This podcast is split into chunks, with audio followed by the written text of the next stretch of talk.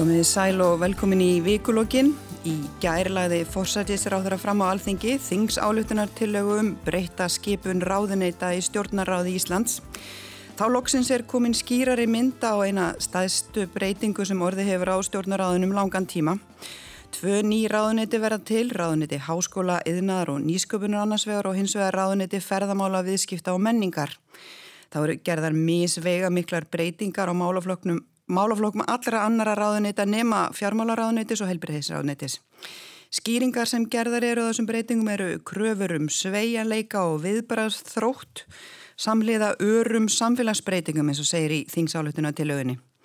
Það vært ekki síður aðtegli þegar tilkynnt var um uppskipan stjórnaráðsins og nýja ráð þeirra, hver mörg ráðuneyti fóru á milli þeirra flokka sem mynda ríkistjórn og að einu ráð þeirrarnir sem heldur sínum ráðuneytum voru formin flokkana. Talsverð eftirvænting var um hvaða flokkur fengi yfiráði yfir líkil ráðunitum á borði heilbreyðisráðuniti og umhverjusráðuniti og þóttisáflutningu sem varð milliflokka til marksum breyta stefnu ríkistjórnarinnar og mögulega átök sem hafa orðið í stjórnamyndunum við ræðunum.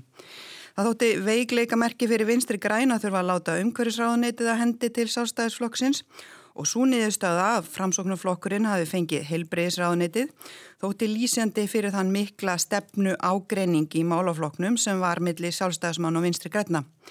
Þetta er eitt af því sem við ætlum að ræða hér í dag og til þess eru komin Gunnar Helgi Kristinsson stjórnmálafræðingur, Bryndís Hallsdóttir, Þingmaður sjálfstæðisflokksins og formaður allseranemdar og Fridrik Jónsson formaður BHM sem er stjættafélag starfsfólk stjórnaráðsins en mikla breytingar verða á störfum margra starfsmanna þar eftir þessa uppstokkun. Verðið velkominn. Takk fyrir. Takk, takk fyrir. Gunnar Helgi, við byrjum á þér. Uh, hver er svona staðsta þýðingin og helsta breytingin við alla þessa uppstokkun? Já, það sem að gerist náttúrulega er það að það heldur áfram þróun sem við höfum verið að sjá á síðustu svona 12 árum í þáttina að við erum að fjölga ráðuneytum. Uh, stefnan var fyrir svona 12 árum síðan að fækka ráðuneytum og það hafi verið viðfangsefni í raun og veru þeirra sem hefðu áhuga á umbótum í stjórnaráðinu að koma þeim niður í kannski svona eins og átta sem væri margulegt eðlileg, eðlilegur fjöldi, það er sami fjöldi eins og eru þing, fastanemndir þingsins. Uh, en þróun hefur verið í öfu átt og núna eru komin upp í tólf og í raun og veru þá er þetta alltaf sláandi þegar maður skoðar lista yfir ráðunetti og, og einfaldar nöfn þeirra að það er ekki svo mikið ólíkt í þessum ráðunettarlista eins og var 1989 þegar að, að hérna, ráðunetin voru vissu 14 og sjárutus og landbúnaðar ráðuneti voru sikkurt ráðunetið, Hagstofan var ráðuneti, þannig að öðru leiti, það má segja kannski sko að ef við stýttum heiti nokkura ráðuneta hér niður í viðskiptaráðuneti, yðnaðaráðuneti og svo framvegis að þá sé þetta bara mjög, mjög líkt. En, en þetta, þetta, þetta er að mínu viti mikil viðsnúningu frá þeirri áherslu sem var eftir hrunið og í kjölfar skýslur ansóknum nefndar alþingis að það þyrti að bæta samhæfingu í stjórnaráðinu og ég er ekki vissum að það sé sérstök áhersla í, í þessum tilum sem nú líka fyrir. Það er tölvert vísað í þessa skýslur ansóknum nefndar alþingis í ingangi að þessari tillögu til þingsáldunar og um til að vera að tala um að það sé hafi verið undarfærin tíu ár svona viðleitni til að breyðast við þeim ábendingum sem þar er. Finnst er þetta vera uh, viðbröð við henni? Já, sko, að sumuleiti. Að sumuleiti það var alveg rétt, sko, það var lögð áherslu á það að, að stjórnarað þyrti hafa ákveðið svögrum til að bregðast við ólíkum áherslum og ólíkum tíma. Eh, en á, á sama tíma þá þurfa hlutir náttúrulega líka í öllum stofnunum, þar á meðar stjórnaraðinu, að vera í sæmilega föstum skorðum. Annars virka ekki bóðleðir, annars virkar ekki hérna, samhæfing og samstarf.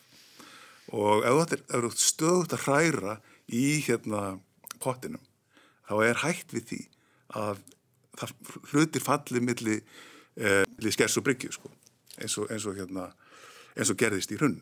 Það, það, það voru auglisar hólur í starfsáttum stjórnarsins. Margt hefur verið gert til að bæta það, rendar síðan. Mm -hmm. en, en hérna, þessi fjöldiráður er svo litil akkelisahættil í skipulæði stjórnarsins.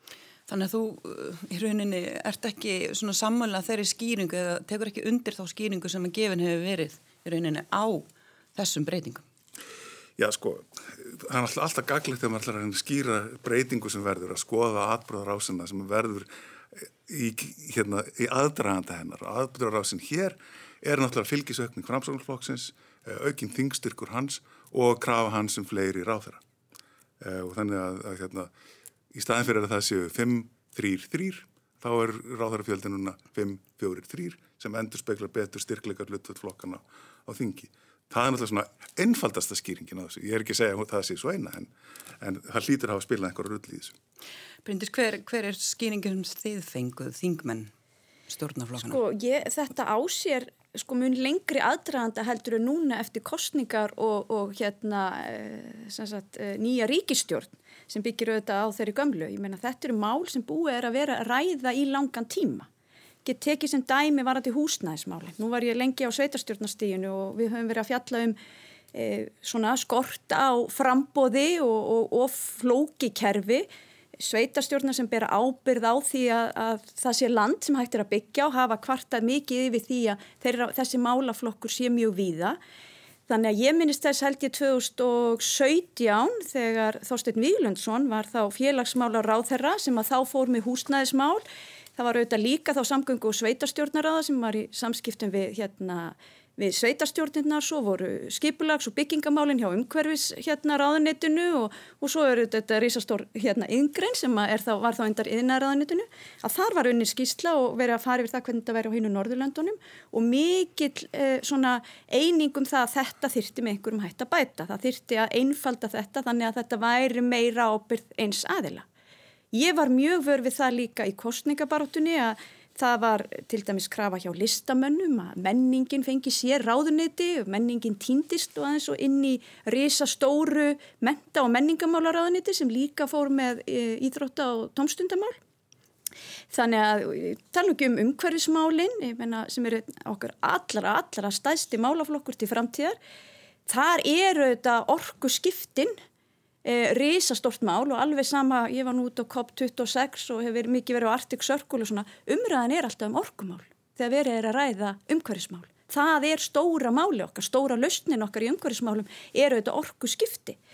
Þannig að ég, þetta eru held ég sko hugmyndir sem að hafa verið að matla í kerfun í svolítinn tíma og þessir hérna ráþærar sem hafa sitt í ríkistjórn og sérstaklega náttúrulega þeir sem hafa leitt ríkistjórnuna, formen flokkana hafa fundið fyrir þessu á síðustu fjórum árum að það þurfi svona að samhæfa og ákveðni málaflokkar þurfi kannski aukna vikt og það fari þar alveg vel á því að, að breyta til. Og ég heyri hvað Gunnar Helgi segir auðvitað þarf að vera ákveðin festa í stjórnaráðinu, maður hefur skilning á því e, mikilvægi svona struktúrsins. En tímatni breytast og menninni með og þá held ég að stjórnkerfi þurfi líka að gera það og það er svona, ég menna, í pólitíkinu þar sem við ætlum að hafa áhrif á samfélagi, við ætlum að gera einhverja breytingar, þá er auðvitað eðlilegt að á einhverjum tímapunkti þurfa að gera breytingar. Það eru svolítið mikla núna, það er svolítið verið að hrista svolítið upp í kerfinu og ég held reyndar að það sé gott og kerfið hafi gott að því með því er ég ekki að segja að það er hér að sko hrist upp og breyta öllum ráðunitum á, á fjögur ára fresti En mér finnst þessar áherslur sem koma þarna fram endur spekla auðvitað bæði stjórnarsáttmálan og endur spekla líka þau viðfangsefni sem við sem samfélagi erum að eiga við. Talandum það sem þið nefnið bæði þessa festu sem er nöðsynlega, það lítur að koma svona tengjast mjög því hvað starfsfólk stjórnaráðsins er að upplifa, upplifa núna friðri. Hvernig finnst þér eh, svona þetta snúa að því? Maður hefur maður heyrt að fólk vissi í rauninu bara nánast ekki í hvað ráðnitið ætti að mæta til vinnu og veit valla enn? Það er, uh, það er svolítið þannig. Það er eðlilega þegar tilkynntar eru mikla breytingar með, með mjög litlum fyrirvara. Eh, þetta kemur í ljós á sundegi þegar að eh, stjórn er mynduð. Það eru bóðuð í mörgum ráðnitum starfsmannafundin á mánundegi. Það sem var ljóst á þeim fundum var það að þau sem voru að, kynna þar breytingar vissu sjálf jáfnvel ekkit alveg hvaða breytingar væri verið að fara að gera. Þannig að eðlilega uh, leiðir það af sér ákveðið óryggi og, og, og óvissu. Um, kannski nefna það að sagt, félag háskólamentara starfsmannastjórnar sem er eitt af aðaldarfjölugum BHM og uh, ég var nú formaður þar áður en ég verð formaður BHM síðan hafa náttúrulega svona breytingar uh, afleita áhrif á allar undirstofnarnir ríkisins hvaða ráðuneytum þau tilhera og, og hvort það verið tilflutningur og verkefnum og svo framvegis. Og þar eru náttúrulega starfsmenn aðaldarfélagar í, í mörgum öðrum félugum BHM það sem er kannski ástæði til þess að velta fyrir sér það er aðdraðandi svona breytinga. Það eru mörgulegt eru það mjög spennandi og eins og Bryndi segir eh, ekkit óeðlegar við í ljósi breytra tíma. Og mér fannst ágætt í svari fósætsir á þeirra til mín við eh, tölupóstu sem ég sendi niður að þá undirstrykkaði hún að, eh, að til dæmis hvað var að kjara og réttindamál starfsmanna er í engu við því hróplað eins og er í, í raun og verið sagt í lögum. Og hérna en spurningin er þegar þú ferir svona mikla breytingar er, er ekki eðlera að það sé kannski aðeins betri undirbúningur og aðdraðandi heldur en í uh, já sem að noti nú klísunar í rossakaupum ríkistjórnarmyndunar ég tók eftir því að fósætti sér á þeirra að vísaði til uh, Danmerkur uh, í uh, þegar stjórnarmyndunum var tilkynnt.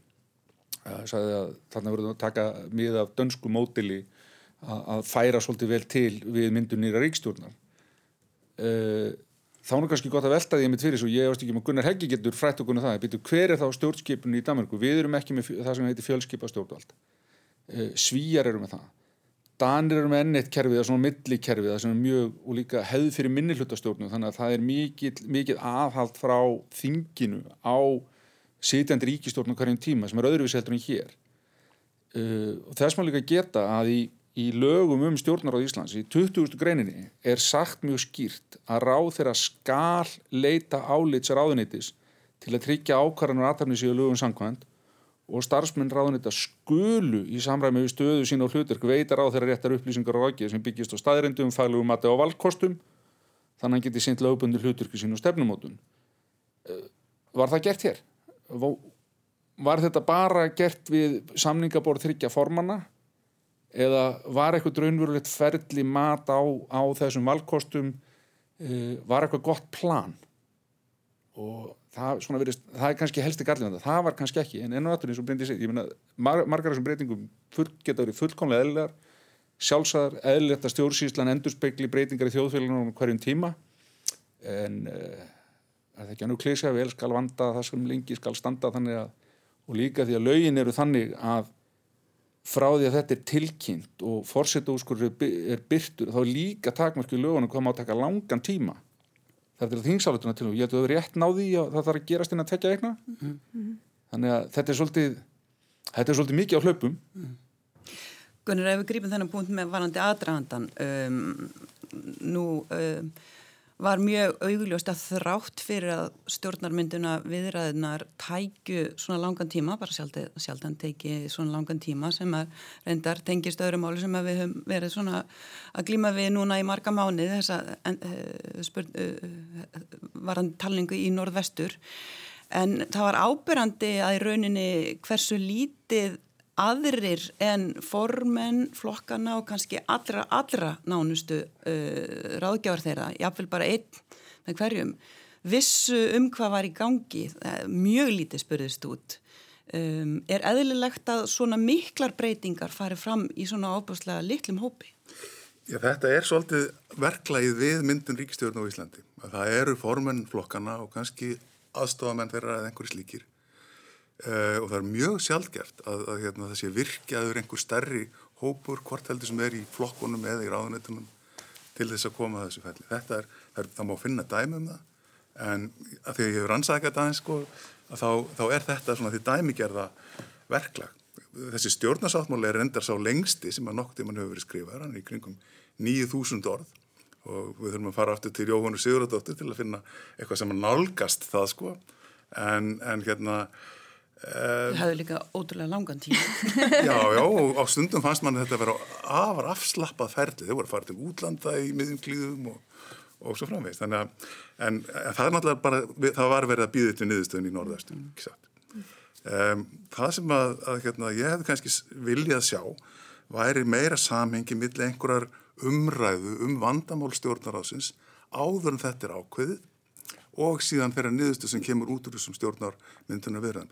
Það er margt aðna sem ég myndi segja sniðu hugmynd. Ég meina, akkur ekki að skoða þetta aðeins betur. En ég hefði kannski viljað að það væri síðan skoða aðeins betur. Áður en að það væri bara tilkynnt. Nú erum við búin að ákveða það að háskólinn hann sé eiginlega orðin hluti af yðnaðaráðin eitt einhvers konar. Og hérna, mér veist það svona alveg sniðu sund í því sko.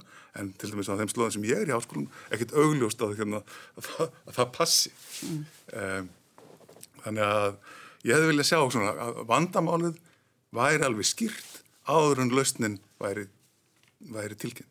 Eh, svona við, við skoðun á, á þessum útskýringum hérna á þessum breytingum það sem er verið að týna til þessi nýju ráðuneyti og, og breytingar á ráðuneytunum og, og svona verið að fara yfir hvaða nýju málaflokkar heyra undir hvaða ráðuneyti hvað er það annað en það sem þú nefnir hérna með háskólana sem að uh, þú setur helst spurninga við?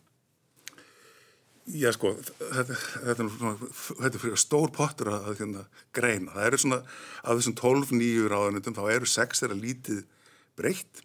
Síðan er tekið í raun og veru hérna, mentamálráðanöndið. Því er skipt upp í þrjá til fjóra hluta og það er samtvinnað með því sem að myndi áður hafa verið kallað viðskiptaráðanöndi og, og hérna, e, og hérna yðnaðaráðandi.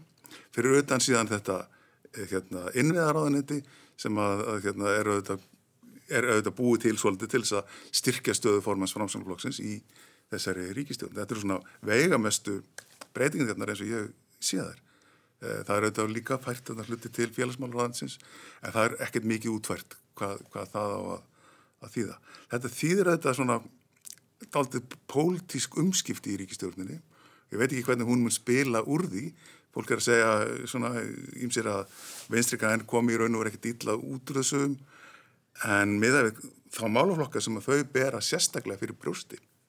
Þá er búið að færa það eiginlega allt frá þeim yfir til ráðunita sem er stýrt af framsvonarfloknum, innviðaráðunitið og sjálfstæðarfloknum sem er umhverfisráðunitið. Hvað getur, nú hafa vinstur græn til að mynda verið að reyna svona að tala þetta svolítið upp og svona til og meins talaðum þetta nýja uh, matvalaráðneiti sem, sem gríðarlega mikið tækifæri í, í umhverfisvend og umhverfismálum um, er þetta svona trúarlega skýringar þeirra trú, trúlega skýringar þeirra á því hvers vegna þessu umskiptu og miklu flutningar millir flokka auðru? Ég sko, ég, ég ætla ekki að alveg hafna þeirri þeim möguleika að þarna mætti gera áhugavert ráðuniti, matvæla ráðuniti þessum að hérna, tekið væri á málefnum matvæla framleiðslu og svo framins. Personlega sko, þá hefði ég talið kannski að mörguleiti sterkara að vera bara með atvinnuvegaráðuniti á Íslandi þar sem væri með sérþekkingu á mótun atvinnustöfnu og, og hérna væri með kannski meiri sérþekkingu og væri líka sterkari mótaðilika hvert þeim gríðarlega sterku hagsmunnaöflum sem eru í atvinnulífun og sérstaklega í náttúrulega sjárútegil og landbúnaði. Þannig að ég hef alltaf daldið svona, daldið svona skeftískur á hérna, það að móta ráðunetti of mikið í kringum mjög sterka hagsmannahópa og sjárútegurinn og landbúnaðurinn eru með sterkustu hagsmannahópum á Íslandi. Hérna, það er mjög gaman að sjá svandi sig glíma við þessa hagsmannhópa. Hún er búin að kemur á ráðanir það sem eru líka mjög sterkir hagsmannhópar í helbriðsvæðandinu og hérna ég segi bara, hérna, ég get ekki ekki að afskrifa það að hérna, það gangi upp og, og það sé hægt að gera þarna áhugaverðar hluti. Ég er bara ekki búin að sjá alveg raukstuðningin eða undirbúinsunum. Bryndi, skilur þú fórsendurnar fyrir þessum, sérstaklega þessum breytingum og, og til að mynda uh, flutningum ráðnita millir flokka? Já, já, ég skil það mjög vel og hérna bara þetta Gunnar Helgi nefnir hérna sko háskóla ráðanetti, ég minna það er þú veist það ráðin, við þekkjum það viða Erlendis að mentamálunum er skipt upp og þú ert oft með ráð þeirra eh, higher education, sem sagt háskólamála þarna er, er verið að leggja áherslu á að taka þá vísindi, nú háskólan alla grunnránsóknirnar og ég minna allt sem að rannis hefur staði fyrir sem að var áður inn í bara mentamálaráðanetinu og tengja þá líka við nýsköpun og eðnað. Það hefur alltaf verið svona svolítið skörun til að mynda hjá stopninni Rannis. Ég menna hún hefur verið að veita styrki sem að hafa hýrt undir fleiri ráðunetti. Þannig að mér finnst það mjög skinsamlegt og það endur speklar þessa áherslur, þessara hérna, stjórnarflokka á að leggja áherslu á nýsköpun, uh, vísindi og hugverkstrifin yðnað. Uh, varðandi matvæla ráðunetti að þá finnst mér það nú ekki svo mikla breytingar í rauninni sem er að verða þar. Eh, Kristján Þóri sinni tíð eh, hérna, skilaði nú af sér sko, mjög góðum úttektum á þessum atvinnugreinum. Nýjasta var ræktum Ísland sem að tengdist á landbúnaðanum. Eh, það er endar að færast inn í þetta ráðuneyti líka sko, hérna, málefni varandi landgræðsluna og skórækt Eh, og ég eh, held, þetta er auðvitað líka stórt umhverjusmál, það er það, ég menna annars verður það orkuskiptin og svo er það auðvitað matvælaframnestan. Eh, þannig að ég held að Sondis eru örgulega spennt að fá að glíma við þetta eh, og mér finnst þessar breytingar, það eru fyrst og fremst að endur spekla þessar áherslur, áherslur hjá stjórnaflokkunum og bara breytingu í samfélagin. Mér finnst líka áhugavert sko varandi skapandi greinar, við erum að taka sko menninguna út úr þá, menta á menningalaránættinu gamla og, og setja það þarna inn í það sem hefur þá verið atvinnuráðanetti, það sem að hérna við erum að tala um ferðarþjónustu, skapandi greinar og menningu. Og þetta hefur alltaf verið svolítið skörun, við, fyrir einhverjum áru síðan vissi ekki hvað skapandi greinar var, það er svolítið nýra atvinnuvegur sem að byggir auðvitað á menningarafrinum og menningu. Og, og þar að leiðandi hefur það verið svona svolítið skörun oft á milli ráðherra og ráðuneita hvert fólk á að leita í þeim efnum og, og hvort að stefnur okkar í til dæmis kvikmyndagerð eða listum og menningu endur spekli líka það sem er að gerast á vettvangi svona skapandi greina. Þannig að það er einn breyting sem ég finnst bara mjög skynnsamleg. En, en þessi, þessi, þetta matvæla ráðneiti, mm -hmm. er það ekki pínu rángnefni yfir það sem er þar undir bara tveir af staðistu atunuvegum uh, þjóðarinnar og það er áherslur sem að þar eru uh, miklu meira á greinarnar heldur en matvælaframlæðisluna. Nei, ég held að þetta snúist náttúrulega um þessa, þetta, þetta tækifæri Íslendinga að vera matvæla þjóð sem framleiði matvæli og ég menna sjávarútverðin eru þetta staðsta dæmið okkar um það þar sem við framleiðum hér matvæli og, og flytjum út matvæli í mjög stórum stíl e, og þetta eru eitthvað sem hefur verið rætt lengi tækifæri okkar til enn frekari e, matvæla framleyslu. Við sjáum núna fiskaldið koma upp og, og, og vera mjög rýsandi sem hérna atvinnugrein en framleysla á matvælum.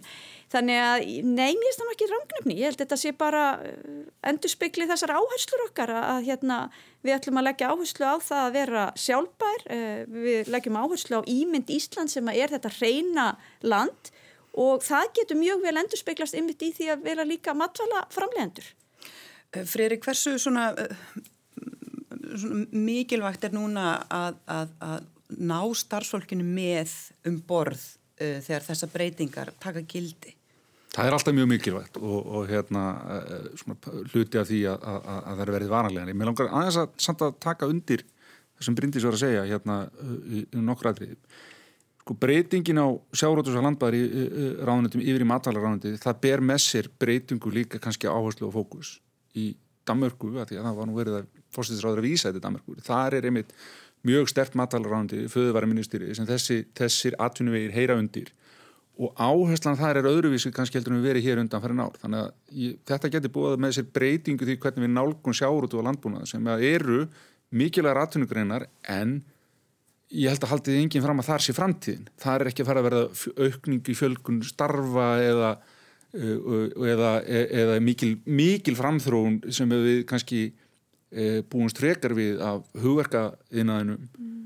og tala ekki um að skapandi greinum og einmitt breytingin með skapandi greinar út á um mentamálránundinu ég held að það einmitt sé jákvæmt að þegar skapandi greinar eru öflugur atvinnuvegur svakalega öflugur þannig að, þannig að lifta honum upp með þessum hætti og bara gaman að segja frá því að nýra áþeira þessara mála er að koma til okkar e, til BHM núna á mándaginn að hitta einmitt formum félag skapandi greina hjá okkur, fara yfir greiningu sem við gerðum núna e, og var byrt núna í byrjun oktober og bara fara yfir stöðuna hvað er hægt að gera? Þannig að, mm. veist, þannig að strax er komin ákveðin dýnamík og svo aftur út af háskólanum. Við höfum nú kallað eftir hjá BHM líka að, að það sé betri tenging milli atvinnlífs og háskólans, ekki það að það megi hins vegar vega akademiku sjálfstæði eða Gunnar Helgi og stjórnmálafræðin verið sett undir mæliker hérna, framlegast þeirra til framleginni aukningar þjóðfélagsins og, og hérna, við farum að rífast um það. En það er, það er hérna uh, þú veist, en betri tenging aturlýs og háskóla er, er, er bara líkil atrið upp á framtíðina, þannig að þetta er allt mjög spennandi. Það sem ég myndi hafa ágjörða að vera einmitt eins og þú nefnir.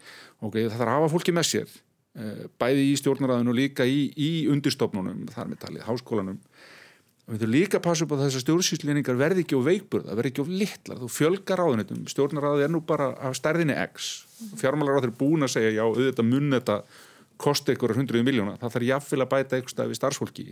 Og aðlýsvertu er að, að það er eiginlega ekkit um þetta í fjárlögunum, þannig að það greinlega vannst ekki tími til þess að bæta þessum reikningin í fjárlögun og það er mjög vond að þú býr til veik ráðuniti sem er kannski 20 manns eða minna. Þá heila eðlemál samkvæmt, þá ráðum við allavega annað heldur en svona rétt að rekka sjálfsig og kannski ekki almennilega sinna málaflokkunum sem er ætlað að sinna. Þannig að við þurfum að passa upp á þetta. Fólkið og að aðföngin sem við komum til ráðandi að hafa séu fullnaði til, þess að þau geti sint hlutverknum sínum almennilega. Gunnar Helgi, þú komst aðeins inn á með þetta áðan, þessi fjöldi, miklu fjöldi ráðunita og æskilegt væri að þau væri kannski svona í kringum átta. Heldur þetta geta orði vandamála, þau séu of mörg og, og vantanlega þá einhverja þeirra mögulega of lítil? Já, veltum við aðeins fyrir okkur. Hvað vinna margir í stjórnaráðu Íslands? Fyrir, 700 manns kannski? Félagar, í, félagar í FOSS er um, um 750, síðan er félag starfsmannastjórnaráðsins, bætir mm. þar við einhverjum 200, en við erum að tala um 1000 manns gefur teik. Og þú, þú skiptir þessu niður á 12 ráðuniti, það náttúrulega ekki, ekki með sérstaklega sterkar einingar. Um, og, og hérna, vandin er sáskoða þegar við erum að vísa til reynslu dana eða eitthvað svolítið, þá erum við bara að tala um einingar sem eru bara allt öðruvísi bæði uppbyggðar, vinna í allt öðruvísi umhverfi og eru umfram allt miklu stærri og sterkari. Þannig að hættan er svolítið svo að, að hérna, við hér verðum með lítil ráðuniti sem að hérna, eigi erfitt með að vinna saman að þegar einingarnar eru svo margar uh, og það verður til þessi sílóismi sem að gæðan er talað um í stjórnaráðinu þar sé að þessar starfseiningar þess eiga erfitt með að vinna saman og erfitt að talast við. Og það er auðvitað það sem er líst líka í skýslu rannsóknum nefndar alþengis að stjórnaráðu var of veikburða til þess að sjá fyrir og bræðast við þeim atbyrðum sem eru tengslu við raunnið. Og ég held að það hafa ímislegt batna mm -hmm. frá þeim tíma. Til dæmis varðandi hérna, hérna, auknar nótkunar ráþæranemdum, uh, ráðinistjórnarnir hittast með regluböndum hætti og það er mikil vitundum þetta í stjórnaráðunum að, að þau þurfa að vinna gegn þessum sílóisma. Um, en það, það var líka þannig að, að, að það þótti til til að blasa við að ráðnættin væri of mörg, of smá og, og veikbara. Bara geta ráðnættis sem er með nokkra tíu starfsmanna til að stýra undirstofnunum ráðnættisins er bara mjög lítil. Ég meina, nú er það þannig að starfsmenn stjórnarásins eru undir miklu álæg. Þeir eru að skrifa svör fyrir ráð þeirra við fyrirspurnum á aldingi, skrifa skýrslur fyrir aldingi, skrifa ræður og, og svo er þeir að reyna að hérna, stýra einhverju varðan þessar stofnarnir. En forsöndur þeirra í þessum litlu og veikbraráðundum er ekkert sérstaklega góðar til að gera þetta. Starfsmenn stjórnarásins eru almennt undir miklu álægi, leggja sér mikið fram en hafa kannski ekkert forsöndur til að skila neitt frábæruverki í þeim aðstæðum sem þeim eru búnar í þessum litlu og vann hérna, búnu einingum. Þannig að þessi fjölgun upp í, í tólf ráðneitir í rauninni ákveðin þversögn við sko markmiði sem að gefa upp hérna í, í þingums álítunar tilauðinu að auka samvinnu milli málaflokka. Já sko, svo er þetta, þetta er spurning náttúrulega um samhæfingu sko. Uh, íslenska stjórnsýslan, hún byggir mikið á ráðferra stjórnsýslu. Þar sem að sko ráðferðan er kongur í sín ráðuniti. Þarf ekki að tala við aðra ráðferða nema þegar það leggja fram uh, stjórnarfrömmar. Og í Danmörku er þetta bara allt, allt, allt öðruvísi. Það eru mjög stefn, það er sko, á Íslandi þá hittist ríkistjórn tvísar í viku og, og hérna ræðir málun mikið en tekur engar ákvarðanir. Í Danmörku þá eru mjög sterkar ráðferðarnemdir sem að í raun og veru eru vinnuform ríkistjórnarnar uh, og, og sem að, sem að ákveða hluti Eh, jafnvel gegn hérna, vilja einstakra fagráðara. Eh, þannig að samhæfingar mekanismannir í Danmark, þau eru bara þau byggja á svo miklu sterkari grunni eða þessi miklu sterkari og lengri sögu. Við erum hérna bara í raun og veru farin að hugsa um það í fyrsta skipti síðast, síðasta áratugin eða svo að það þurfi að samhæfa það sem gerist í stjórnaræðinu. Um, við erum ekki náttúrulega með hérna, við erum ekki með fjölskipað stjórnvald í ríkistjórn eins og er í Svíþjóð, það sem að ríkistjórn greiðir atkvæði um, um hérna málefni. Hér er þetta bara þannig að ráðurinn er kongur og það er vandamál sem ekki er búið að taka á. Eh, það þarf að taka á því, það er einhver leiti, við höfum séð þetta virka ágætlega í COVID-krísunni að ráðherra nefndir hafa í raun og veru unnið ágættstarf í að samhefa stjórnsýsluna og, og það er náttúrulega aldrei íslensku að það virkar margt vel á Íslandi í krísu að því allir er að leggja sig fram og, og ákveðnir að láta það að virka en, en svona að öðru jöfnu þá vantar þetta element að, að hérna, þetta höfuð íslensku stjórnsýslunar sem er stjórnræðu að það ná að hugsa eins og einn ein aðili. Bendis nú er þínum þingflokki eins og öðrum stjórnaflokkum kynnt þessi niðurstaða án þess að fengið upplýsingar um það á meðan á umræðunum viðræðunum stóð hvað er í gangi Uh, hver, hver voru svona fyrstu viðbröð? Var auðvilt að skilja forsendurnar og skilja þessa breytingar bara við, við fyrstu sín? Hver voru helstu umræðefni, helstu spurningarnar uh, innan þingflóksins? Sko þó að e, fjármennir hafi haldið mjög þjætt á spilunum eins og við höfum farið yfir hérna varðandi stjórnar myndunina og, og stjórnar sáttmálan þá auðvita hittu formennir reglulega sína þingflokka og ég veit bara hvernig það var hjá mér. Þannig að auðvitað sko fylgdumst við ágætlega með þessum viðræðum þó að við værum ekki beinir þáttakandur í að skrifa stjórnarsáttmálan þannig að þessar hugmyndir varðandi uppskiptingur á neyta uh, voru strax inn á borðinu uh, í samtalenu og alveg eins og ég var að reyna að fara yfir hérna áðan ég, þú veist E, þessar vangaveltur um málaflokk og hvernig við viljum leggja áherstur á málaflokka eru þetta búin að vera í umræðinni lengi. Gunnar Helgi nefnir hérna e, ráðherra nefndir sem hafa verið allmargar um ímismál og sko auðvitað er það áhyggjöfni hjá lítilli sjálfstæði þjóð eh, varðandi stjórnsýslun og hvernig sterk eða veik hún kann að vera. Og það var auðvitað nýðustæði í rannsóknarnemdini að við vorum ekki nógu veik. En það var, nei við vorum ekki nógu sterk við vorum nógu veik, en það var einmitt líka það að málaflokkar væri svolítið skiptir á milli ráðunita og jafnvel keimlíkir málaflokkar uh, heyrðu undir sitt hvort ráðunitin og þá var þessi síló Þannig að þetta eru þetta ákveðin aðferðafræði til að brjóta upp síl, þessi síló og setja þá ströymin á áherslunar sem við ætlum að ná fram. En þú ert í rauninu bara búið til ný síló?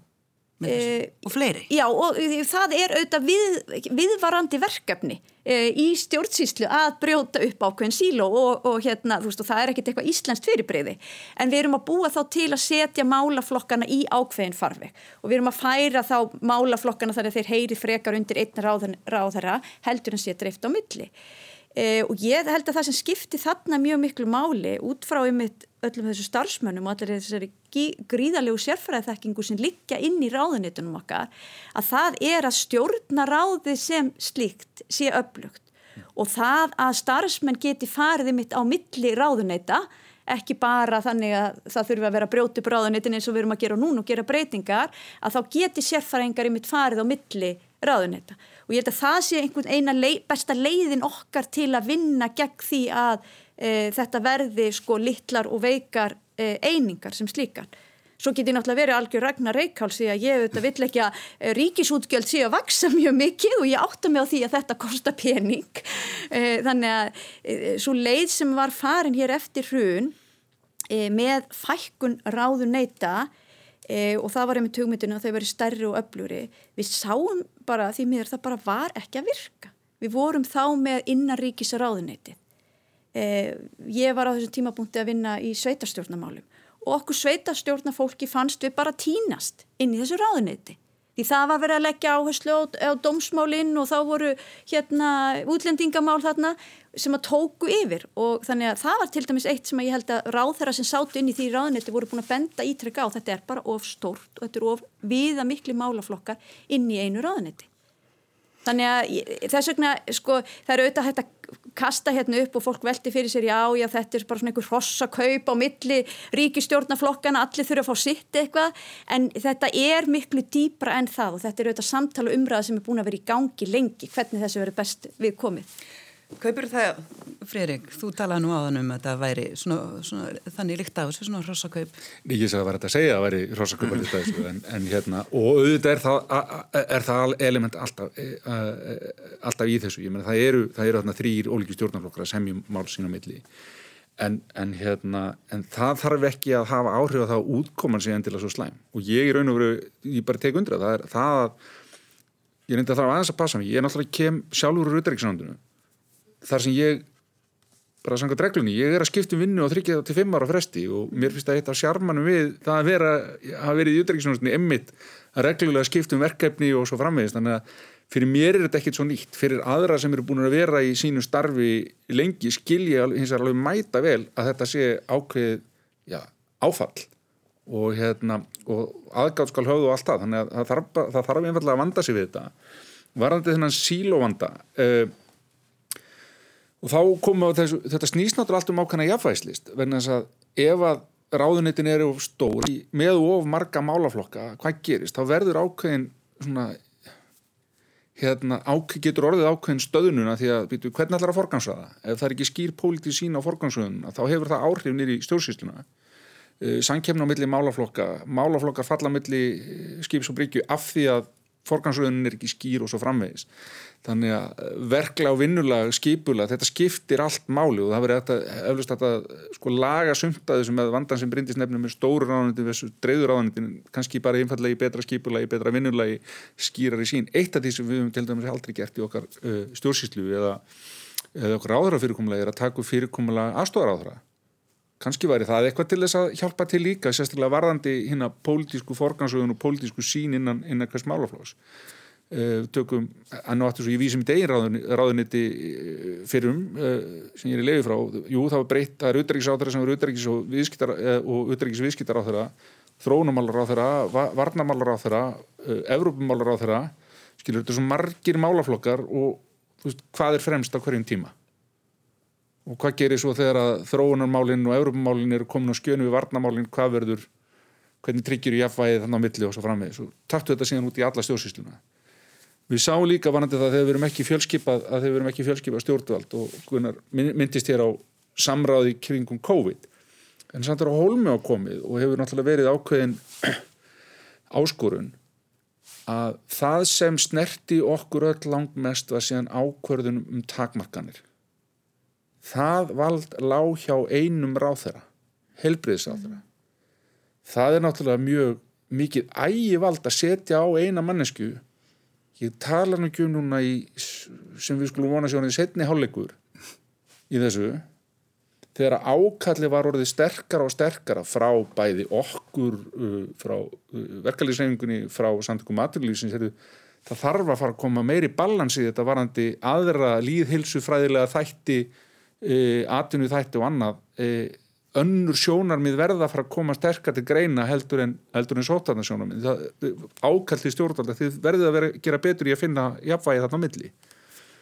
En valdi satt samt alltaf hjá helbriðsáðranum og svo fenguðu náttúrulega fréttir að ríkistjórnarfundur um það og, og beinleginis er áþur að koma út á fundi og sjáðu, já ég er nú ekki samanlega þessu en ég var eða að setja mig við þetta. Og það kannu kannski ekki alveg góður lukka að stýra. Og, og hérna og einmitt, svona kristall, kristallisera þessa áskorun þá þú ert ekki þegar stjórnin er ekki, er ekki fjölskypa stjórnvald. Nú sé held ég að bæði Gunnar og Bryndis Gunnar, við byrjum að þér. Veist, þetta að, að ráð þeirra að koma út á ríkistjórnumfundi og lýsi í rauninni bara eh, andstaðri skoðun heldur en uh, á, uh, þeirri sem að ríkistjórnin hafi tekið þarna til að mynda með, með sótvarnar þetta er eitthvað sem við höfum ekkert séð svo oft Ekki oft. Mm. Þetta er nú reyndar svona daldill löstur á íslenskum stjórnmálum að ráð þeirra leifa sér þetta stundum og eiga náttúrulega helst ekki að gera. Þá að það sé ekki sameiglega ábyrð á Íslandi eins og í Breitlandi eða Svíþjóð. Þá eh, ber það ekki sko, samstarfi í ríkistjórn fagurt vitni að ráð þeirra sé að rýfast ofinbarlega. Þannig að þetta á almennt ekki, þetta er ekki æskilegt. Eh, en hins vegar þá er þetta ekki óþægt á Íslandi og stundum hefur þetta nú verið mjög ábærandi í ríkistjórnum en það hefur líka grafið undan bæðið samstarfni ríkistjórnum og vinsaldum þeirra og trösti almenst En uh, gerist þetta þarna mögulega vegna þess að það voru að koma kostningar og ráðurar og, og þessi flokkur, sérstaklega sjálfstæðarflokkur þannig sem var ósáttur við ákvarðanir á ákveðnum tímapunktum þurftu svolítið að marka sér sína eigin stefnu og svona draga sig svona frá stefnu vinstri græna þannig til að mynda í heilbyrjismálum og, og sótanar, uh, hvað var að sótanir? Ég finnst nú sko í, me, í meginadröðum að það hafi verið tilturlega mikil sátt í ríkstjórninu þá að, hérna, þá að það hafi verið svona hérna, núningur um, og hann hefði kannski mátt leysa innan hérna, ríkstjórnir en ég, það er engin vafa því að ríkstjórnin stóða bakvið svandist þegar á reyndi. Þannig að ég myndi að segja að þetta hafi kannski verið vægt en, en kannski ekki hefnileg. Ég sko, mér finnst þetta mjög áhugaverðu punktur og við vorum nú að ræða þetta í þingin í vikunni þar sem að nýr heilbreyðsráð þar að vara að flytja okkur skýslu, COVID-skýslu og ég bara vona að þær verður sem fæstar. Eh, Svandi skerði þetta auðvitað með reglum hætti og maður átti þetta samtal við hana og ég held að í öll skiptin sem ég hef tekið til málsatna hafi ég sagt að við verðum að breyta sótvarnarlögunum okkar. Það er skiljanlegt að einmitt einn maður, einn ráðherra geti haft það vald að geta sett á einhverja takmarkanir þegar um einhverja bráða hættu er að ræða. En núna þegar við erum að koma inn í, eða koma út úr þessu tímabili, ég ætla að segja við séum að fara út úr því, sem búið að vara í svona langan tíma, þá finnst mér það bara mjög óeðlilegt að svo ábyrsi sett á einn mann að takmarka svona mikið e, frelsi samfélagsins og setja svona takmarkanar á, á hérna, samfélagið allt. Og þá hlýtur þjóðkjöri þing að þurfa að fá tækifæri til að fjalla um slíkar takmarkanir. Og ég held að það sem við erum að vísi hérna að það hefur verið svona skoðanaskipti, mismunandi áherslu ráð þeirra e, í þessu málaflokki að þá stóðu, stóð ríkistjórnin, jú, á bakvið eitt Svandísi Sáastóttur sem helbreyðisráð þeirra og stóð þjættu hennar í upphafi en eftir sem tími líður þá eru bara fleiri sjónarmið sem þarf að horfa til heldur um bara sótvarna og ég held að stóra máli snúist um það við þurfum að finna einhverja leið til þess í framtíðinni því að því miður þá nú líklegt að við munum þurfa að glíma við einhverja faraldra, þetta verður ekki svo síðasti að við þurfum að breyta þessum lögum þannig að það sé fjallað um það á þingi og í rauninni horfa ymmið til Norðurlandanum að það er svolítið verið að skoða hvaða normenn og danir hafa verið gert að það sé kannski hægt að setja einhvers konar reglugerð en uh, þingi svo staðfestið með einhverjum hætti. Ég veit að þetta er utan okkar stjórnskipa núna en við erum í ímismál, ég get tekið sem dæmi í fjárlögum, uh, það er búið að vera heimild að selja banka mjög lengi í fjárlögum en það var einhver síður ekki þannig að Bjarni Benditsson sem fjármálar á þeirra gæti bara farið og selgt banka.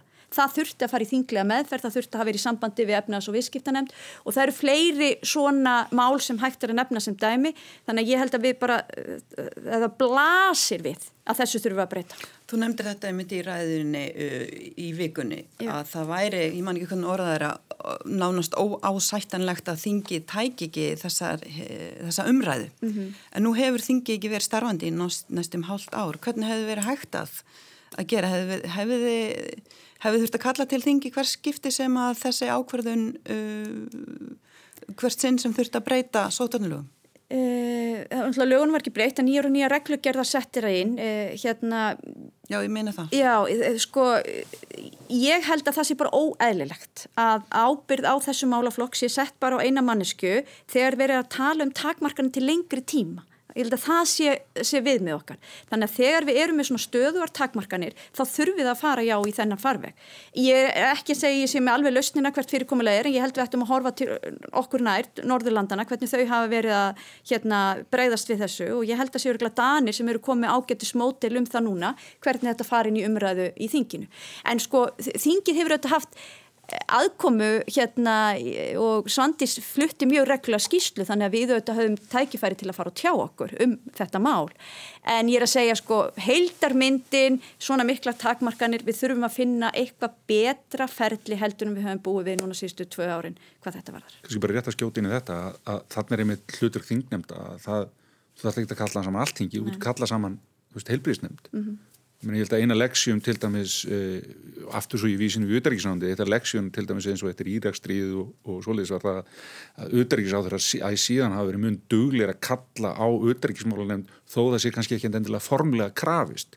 Mm. uh, eða, eða það sé svona einhverjum óljós mörk að því hvenar eigi að ráðferða sig auðverkismálunemnd en, en veist, að jafna það á að gera það. Þannig að það bara eru ráðherra dugleiri við það það er bara hóað í auðverkismálunemnd, sessniður, við erum að þetta er að gerast, við þurfum að fara að gera þetta þetta er það sem ég er að fara að gera og allir sáttari og, og betri upplýsing.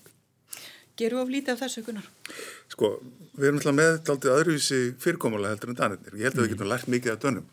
En Danir er að búa við minnlutastjórnir og minnlutastjórnir koma engu í gegnum þingið nefn að ráðgast við þingið og búa til samkomulega oft í stórum málaflokkum sem allir flokkar sem að því koma sem er ekkert endilega bara stjórnaflokkar telja sig bundna af til lengri tíma Þetta væri náttúrulega, mér finnst þetta mörguliti mjög spennandi og áhugavert stjórnafyrirkomulega en Íslendingar hafa ekki vilja að fara þessa leið, þeir hafa vilja að fara þá leið, mynda meirlutastjórnir þar sem að þingið er í raun og veru áhrif á löst og þess vegna veit ég ekki hvort það myndi breyta mjög miklu að setja þetta í þingið. Það er það ekki í rauninu bara eitthvað síndar samráð? Það, það skiptist bara í meirlutan og minnlutan og ef þetta verður að vera eitthvað viðkvæmt þá mun flokksægin gilda. Svo kom nú í ljós við hérna, skipun formanna þingnenda núna tilræðin frá síðasta kjörtjömbili að láta stjórnaranstöðuna frá formensku í þingnendum að stjórnin er í láð því að það var tilræðin sem hafi misamnast Já en, en á, á himbóin sko þá er ekki það sem var oft áður fyrir hérna, að, að það var, var sami ráð þeirra og þingnandaformaður mm -hmm. það er ekki endilega þannig lengur og ég held að það sé mjög gott fyrirkomulega að hérna, það sé ekki bara að þetta vildi verða mjög svona náið sko. Og í raun og veru þingnandaformaðurinn var ekkit annað en framlenging oft á ráþarannum um, og ég held að þetta sé svona svið sem að mætti hugsa meira um og vinna meira með. Mhm. En ég ætla náttúrulega, ég verðu auðvitað mótumæla því að þingi hérna sé áhrifalust, sko, er, og þetta er auðvitað líka eitt af því sem var talað um í kjölfarhunsin, sko, hvort að þingi væri bara einhvers konar stimpilpúði á, á málefni, hérna, ráðharana og ég held að, ég meina, síðasti stjórnarsáttmáli gekk nú einmitt út á það, að ebla alþingi og ebla þessa líðræðislu umræði sem á sér staðin á þinginu og það skiptir máli. Eh, og nú hef ég svo sem ekkert mjög mikla þingarenslu eh, en þannig ég veit ekki hvort það endur speiklist í því að við erum mjög ólíki flokkar sem situr núna saman í ríkistjórn en mál hafa tekið mjög miklum breytingum í þingleiri meðferð og bæði út frá sjónamöðum þá mismunandi flokka sko, og líka frá minnirhlutanum að, að það að mál fari í þinglega meðferð sem fjallað um þau í þingsal og fjallað um þau í nefndum þá, haf, þá sjáum við það bara taland um COVID-tíman, ég satt nú í efnas og viðskiptanemnd og við bara gerðum alveg óbúslega mikla breytingar á mörgum málum sem komu inn í þá nefnd í gegnum þennan tíma. Já, það er alveg rétt sko að á Íslandi eru gerað miklu meiri breytingar á stjórnáfrunum heldur en nokkrum hinnan Norðurlandana mm. sem er ekki heppilegt því að yfirlegt þá hérna, fara stjórnáfrunum óbreytt í gegn í, á hinnan Norðurlandunum þá liggja allar forsendur fyrir. Þá búið að vinna rannsóknarvinnina á Íslandi verða oft slis í þingnefndunum. Það er hérna komin hlutir í frumvörpum sem engin veit alveg af hverju varð. Það var kannski einhver að þvælast fyrir. Ég er ekki vissum að þetta sé gott verkla ég held að samráðið eigi að verða áður en stjórnarfrumvörpið er lagt fram. Þá vildi ég gætna sjá miklu meira samráðið stjórnaranstöðuna heldur en nú er haft það er náttúrulega samráði gegnum samráðskáttina og allir hagsmunna aðalega geta sett inn en ég menna, en þá ertu raunin að segja að, að þingin á Norðurlöndum sé til lítils ef að enga breytingar verða þegar það komið þángað inn. Já, í raun og veru sko þá er stjórnarnanstæðan hún tekin inn í ferlið áður heldur en stjórnarfrumöfnið er lagt fram. Já, Þannig að stjórnarfrumöfnið er í raun og veru -hmm. og það held ég að segja að mörguleiti svona svo undirbúinisvinna sem ég myndi vilja sjá Þú veist raun og segja að samráðu þurfa að byrja áður en að fyrsta, fyrstu dröður lögð fram Já, inn í samráðu. Já, í grænbók eða kvítbók. Er... Og ég menna það er ákveð fordæmi sem við höfum svolítið farið að fylgja. Vissulega, við sjáum já. meir og meira að því að svona stórum skýslum og, og svona kvítbókar vinnu í tengslu við svona stóra málaflokka sem að byggja svo koma frumvörp í kjölfarið og þetta fer í þinglega meðferð og já við þingmenn sem eru kjörnur á þjóðinni leifum okkur að gera breytingar vegna þess að við lítum á það sem okkar hlutverk. En ef við svona reynum að... Ætlum við bara að tala um þetta? Nei, ég myndi fara að skipta um umræðinu núna þegar þetta er nú næst síðasti þáttur ársins að ég ætti bara þannig á.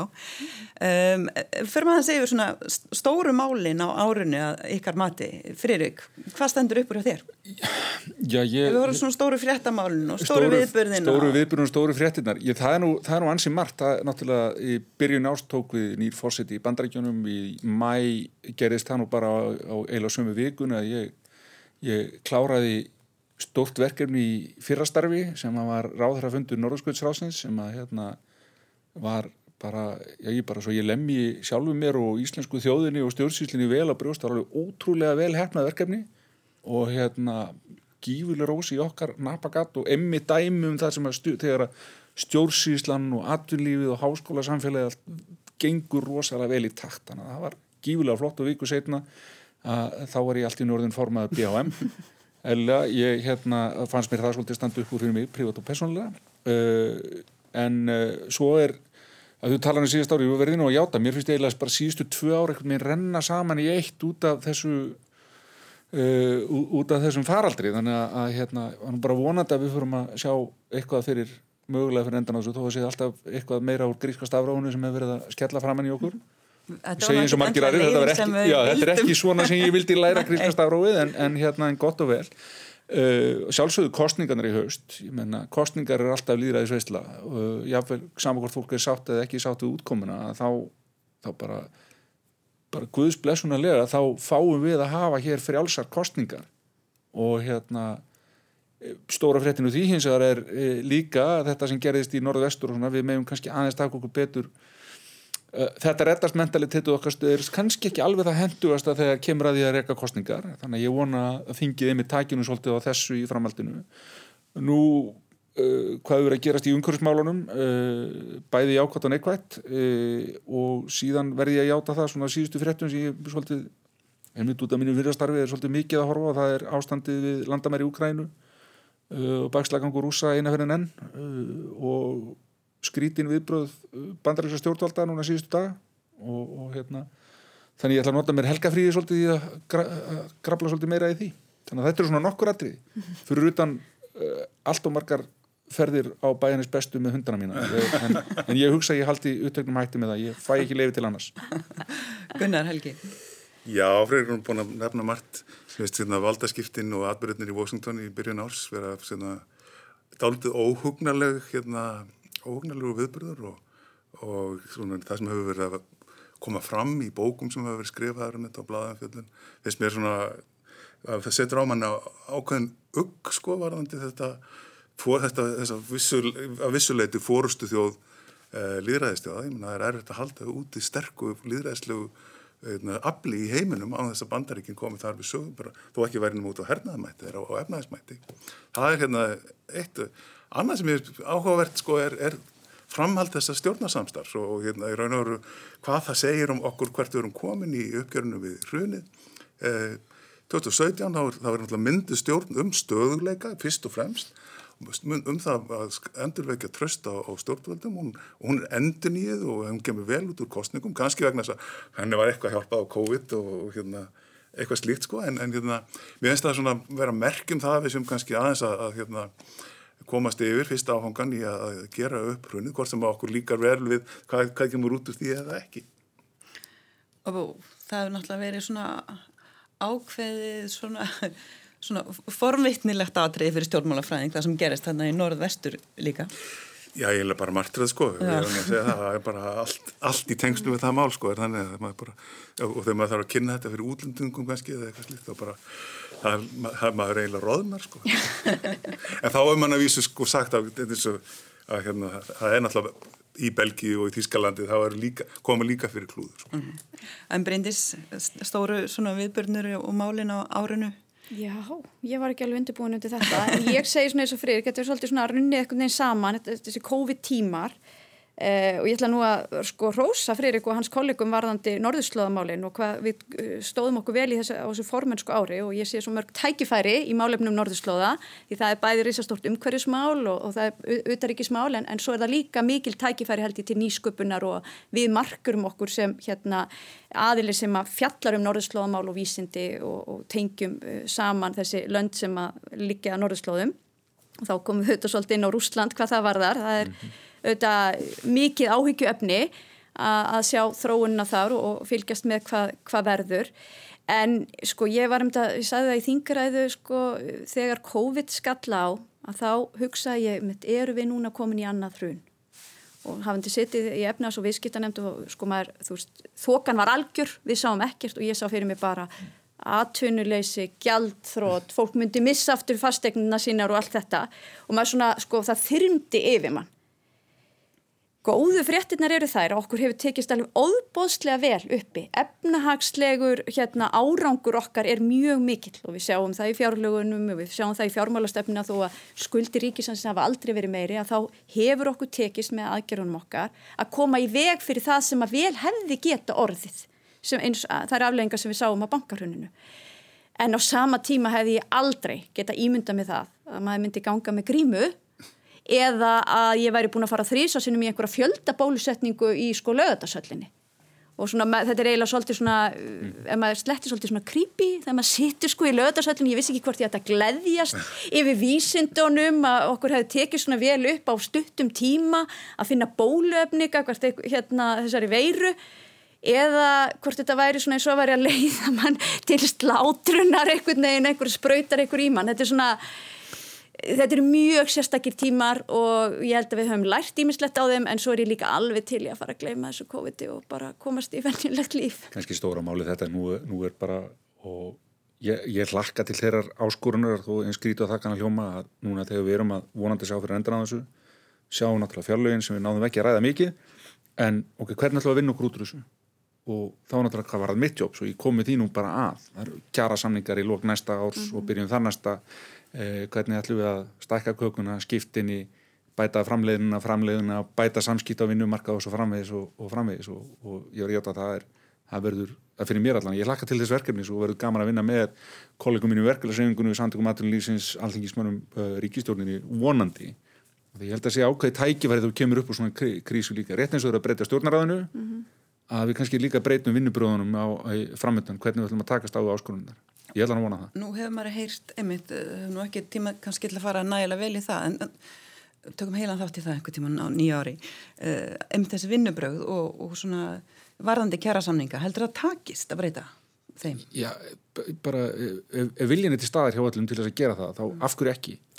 Þegar, við erum nú búin að tala um Norðurlöndin að ef við viljum horfa til Norðurlöndina það er allt önnur vinnubröð þar á vinnumarkaði en, og það er náttúrulega kannski verið reynd hérna en vandin hérna er alltaf, við erum alltaf að taka við erum alltaf að taka svona bita eins og þegar Saleg var uh, ég meina, jú, það átt að vera það átt að taka okkur norræðum fyrirmyndin en það glendist þegar við norræna fyrirmyndin er alveg heilt kerfi, þú getur ekki tekið bara einhvern eitt bit úr því og sagt, já, ég er nú komið norræna kerfi, þú verður að, þú að greina það kerfi, hvað er það sem gengur þar upp, hvers vegna gengur þau Eh, hvað þarf til þess að það virki? Hvernig, hérna, og, og hvernig setju það í frangvænd og hvernig við samráð og samstarf um það hver verða áhersluatriðin?